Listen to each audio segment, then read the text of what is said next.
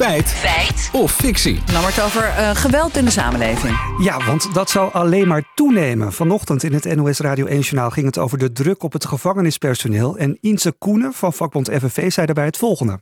Ja, de samenleving verhardt. Ook binnen de samenleving neemt het, uh, neemt het geweld en de agressie toe. Het geweld en de agressie nemen toe, zegt de vakbond. Ja, maar dat wil ik toch even checken of dat wel echt zo is. En daarom belden we allereerst met Sander Schaapman, voormalig hoofdrecherche bij de politie.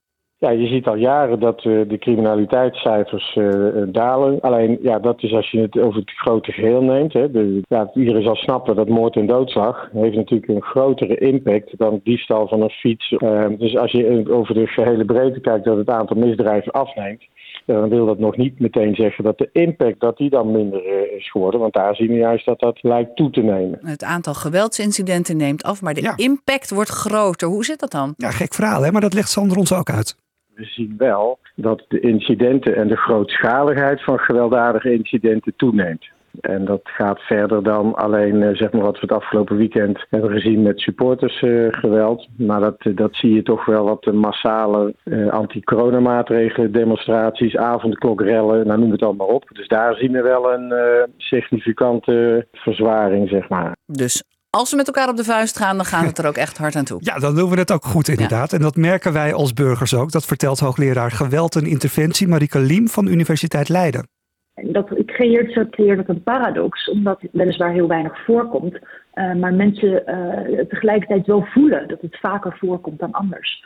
En een van de manieren om die paradox te kunnen verklaren is omdat het zo weinig voorkomt, wanneer er iets gebeurt, wordt het breed uitgemeten in de, in de media, wordt daar uitgebreid aandacht aan besteed. Dus het idee wordt gegenereerd dat geweld overal is, omdat het veel aandacht krijgt.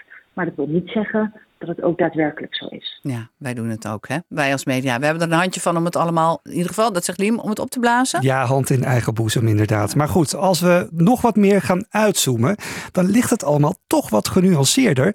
Wie dat nog maar eens goed benadrukt, is middeleeuws literatuurdeskundige Herman Pleij.